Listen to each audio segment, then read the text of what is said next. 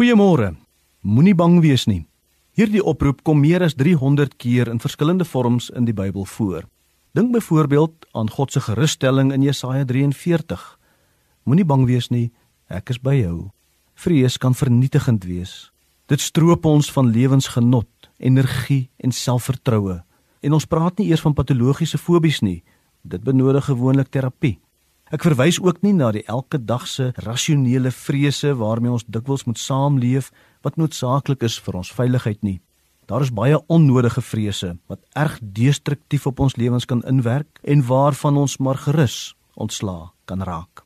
Dink maar aan die vrees vir die onbekende of vrees vir 'n emosionele verbintenis of vrees vir teleurstelling of vrees vir verwerping Maar soms is vrees verskuil agter iets oënskynlik onverwant en dan sukkel ons om dit as vrees te erken.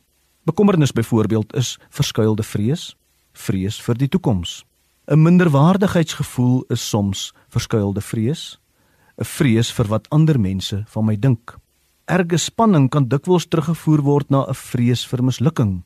'n Oormatige kritiese ingesteldheid teenoor ander is ook die gevolg van vrees die onderliggende vrees dat mense gaan agterkom dat ek eintlik nie eg is nie en nie is wat ek voorgee om te wees nie. Diegene wat so hastig is met hul oordeele en veroordeling, verdoesel heel moontlik hul eie vrees om uitgevang te word. Daardie vreesagtige gevoel gaan nog al jou drome verwoes.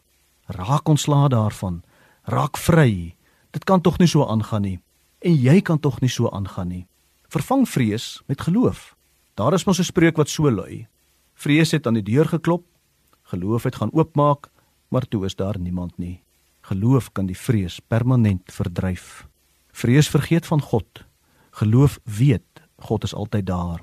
Vrees klou vas aan die bekende. Geloof tree soms uit die lig na die donker, juis om lig in die donker te wees. Vrees is onbuigsaam. Geloof pas aan. Geloof is taai en word nie ondergekry nie. Vrees is passief. Geloof is aktief. Vrees en bekommernis is beste vriende. Geloof en bekommernis is grootste vyande. Vrees slaan gereeld hand aan die ploegskaar en kyk terug. Geloof laat die verlede in die verlede en kyk vorentoe. Vrees laat mense verwelk. Geloof laat mense blom. Vrees omarm die leuen. Geloof verkies die waarheid.